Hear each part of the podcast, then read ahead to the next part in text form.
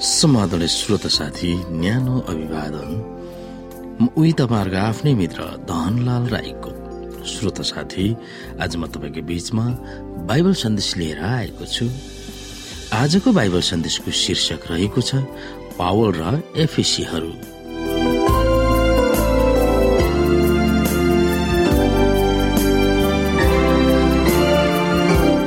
श्रोता यस पावल र एफिसीहरू भन्ने बाइबल सन्देशमा हामीले विशेष गरी अध्ययन गर्नुपर्ने बाइबलका पदहरू रहेको छ। प्रेरित अठार अध्यायको अठार पद प्रेरित उन्नाइस अध्यायको तेह्रदेखि बिस पद प्रेरित बिस अध्यायको सत्रदेखि अडतिससम्म एफिसी एक अध्यायको एक र दुई एफिसी छ अध्यायको एक्काइसदेखि चौबिस एफिसी तीन अध्यायको तेह्र पद र एफिसी एक अध्यायको नौ र दस पद। हामीले यस पावल र एफिसियर भन्ने बाइबल सन्देशमा सम्झनु पर्ने पद अथवा मेमोरी गर्नुपर्ने बाइबलीय भर्स रहेको छ। एफिसी एक अध्यायको नौ र दस। श्रोता यो निकै नै महत्वपूर्ण बाइबल भर्स रहेको छ। यहाँ लेखिएको छ सम्पूर्ण बुद्धि र आन्तरिक समाजमा ख्रिसमा राख्नु भएको उद्देश्य अनुसार उहाँले आफ्नो इच्छाको रहस्य हामीलाई जान्न दिनुभएको छ। ताकि समय पूरा भएपछि स्वर्ग र पृथ्वीमा भएका सबै थोकहरू ख्रिसको अधीनमा आउन्। श्रोत साथी जब हामीले केही लेख्छौँ तब त्यस लेखको उद्देश्य हुन्छ। कहिलेकाहीँ त्यो लेख अत्यन्तै महत्वपूर्ण पनि हुन जान्छ। त्यसै गरी सन् अठार सय एकसठीदेखि अठार सय पैसठीमा अमेरिका गृहयुद्धको चपेटामा परेको थियो। सन् अठार सय त्रिसठीमा अमेरिकाको गेटसबर्ग भन्ने ठाउँमा गृहयुद्ध हुँदा करिब सात हजार सिपाहीहरू मारिएका थिए। त्यस युद्धको भयानक विध्वंसप्रति भावुक भएर त्यस देशका राष्ट्रपति अब्राहम लिङ्कनले प्रख्यात गेटसबर्गलाई सम्बोधन गरेका थिए। त्यस सम्बोधन पत्रमा उनले अमेरिकाका संस्थापक पिताहरूको भूमिकालाई उल्लेख गरेका थिए। सन् सत्र सय छ्यात्तरमा सिर्जना भएको अमेरिकालाई थामिराख्न यस गृहयुद्ध आखिरी परीक्षा हो। र त्यस गृहयुद्धले यस पृथ्वीमा अमेरिकाको अस्तित्व कि त रहिरहन्छ कि त नाश हुनेछ भनेर मार्मिक भाषण उनले गेटस वर्गमा दिएका थिए। एफिसीको पुस्तक पावलले अत्यन्तै उल्लेखनीय उद्देश्यले प्रेरित भएर लेखेका थिए। त्यो पत्र लेख्दा उनी झ्यालखानामा नै थिए। एफिसी तीन अध्यायको तेह्र एफिसी छ अध्यायको बिस त्यस बेला इसाईहरूलाई ठुलो सतावट आइरहेको थियो। एफिसीहरूले यसुमाथिको विश्वास त्याग्ने प्रलोभनमा परेका थिए र तिनीहरूका हृदयहरू निराश भएका थिए। जब एफिसीहरूले पहिला यसुलाई तिनीहरूको मुक्तिदाता भनेर विश्वास गरे र चर्चको भाग हुन पुगे तब तिनीहरूलाई के भएको थियो भनेर पावलले तिनीहरूलाई याद दिलाउँछ। तिनीहरू ख्रिसको शरीर भएका थिए। तिनीहरू नै मन्दिरको निर्माण सामग्रीहरू भएका पनि थिए। तिनीहरू ख्रिसका दुलही हुन पुगेका थिए र आस्थामा सुसज्जित फौज भएका थिए। परमेश्वरको महान योजना पूरा गर्न एफिसीहरूले ठुलो रणनीति खेल्नु पर्यो र सबै थोक ख्रिसमा एक पार्ने तिनीहरूको भूमिका थियो। यो भनेर पावलले जिकिर गरेका थिए। यसो ख्रिसका अन्यायहरू हुने पहिचान र अवसर प्रति एफिसीका विश्वासीहरू जागुन भनेर पावलले पत्र लेखेका थिए। श्रोत साथी एफिसीहरूलाई पावलले लेखेको पत्रमा हामीलाई एफिसीहरूकै बारेमा बताउँदछ। एफिसी सहरमा सुरुका दिनहरूमा कतिपय मानिसहरूले हर्षोल्लास साथ सुसमाचार ग्रहण गरेका थिए।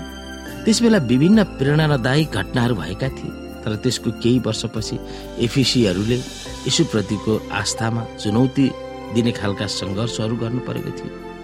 रोमी साम्राज्यको चौथो ठुलो सहरको आर्थिक अवस्थालाई गडबड गर्न खोज्ने पावल जब उनी पन्छिएर झ्यालखानामा परिरहेका थिए। एफिसी अत्यन्तै समृद्ध र विकसित सहर थियो। त्यहाँ विभिन्न देवी देवताहरूको पूजा गरिन्थ्यो। त्यहाँका संस्कृति रहन सहन र संस्कार मूर्ति पूजामा आधारित थिए। त्यस्तो समाजमा यसुको सक्रिय चेला हुनु सजिलो थिएन। झ्यालखानाबाट चिन्ता व्यक्त गर्दै लेखेको पत्रमा पावलले यसुप्रतिको सक्रिय आस्था नगुमाउन अनुरोध गरेका थिए। तिनीहरूको हृदय विचलित नपार्न उत्साहित गरेका थिए। यस पत्रका पाठकहरू यसु भक्तहरू भए तापनि। त्यस पत्रको शैलीमा ख्रिस्टप्रतिको तिनीहरूको आस्थामा बढ्दै जानुपर्ने आवाज दिएको छ। इसाई आस्थामा सुसज्जित भएर ख्रिस्टप्रतिको समर्पित विश्वासमा तिनीहरूले जोसको आगो फेरि सल्काएको उनले चाहेका थिए। परमेश्वरले संसारलाई दिनुभएको महान कार्य चर्चमा सामेल हुने उत्रेजनालाई पुनर्जीवित पार्न उनले आग्रह गरेका थिए। इसाई विश्वास नै ख्रिस्टको बारेमा सबै थोक भएकोले पावलले उहाँप्रति हर्षले भाव विभोर भएर उहाँको तारिफ गर्दै उहाँको आराधना गर्छन्।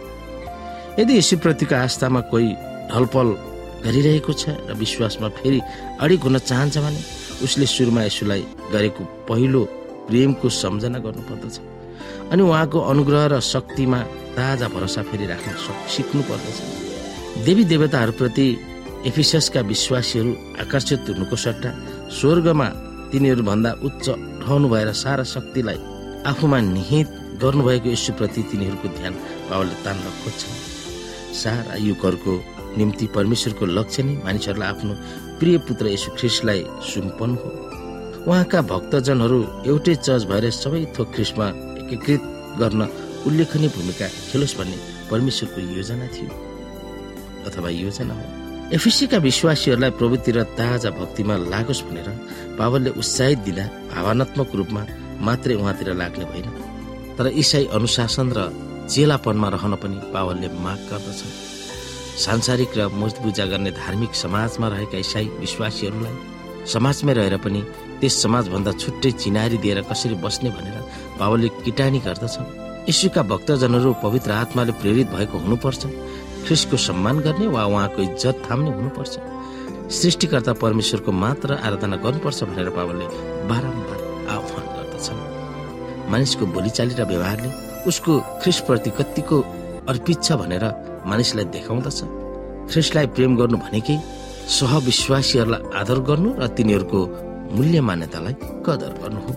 त्यसको अर्थ अनेकौं अवस्था सामाजिक क्रियाकलाप दमनकारी हुनु आफ्नो भाउ खोज्न आफ्नो भाउ खोज्न अरूहरूलाई हेप्ने र दबाउने प्रवृत्ति हुनु काम बासना र विलासितामा लिप्त हुनु जस्ता त्यस समाज र संस्कारमा व्याप्त मान्यता पाए तापनि त्यस खालको पतित संस्कारमा नलाग्ने सत्य इसाईहरूको माग हो भनेर आत्मसात गर्नु पर्दछ त्यसको अर्थ चर्चभित्र र परिवारमा हाम्रो सम्बन्ध यसुको स्वार्थ त्याग नीतिबाट निस्केर चल्ने नीति हुनु समुच्च रूपमा भन्नुपर्दा एफिसका नागरिकहरूलाई मानव अस्तित्वको स्पष्ट र नमुना नयाँ नमुना भएर आफूहरूलाई प्रस्तुत गर्ने सच्चा यशु भक्तको खुबी भएको देखाउन पावलले बारम्बार अनुरोध गरेका थिए।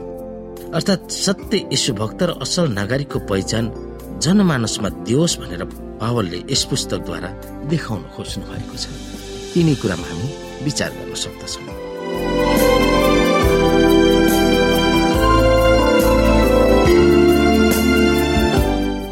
श्रोता साथी आजको लागि बाइबल सन्देश यति नै।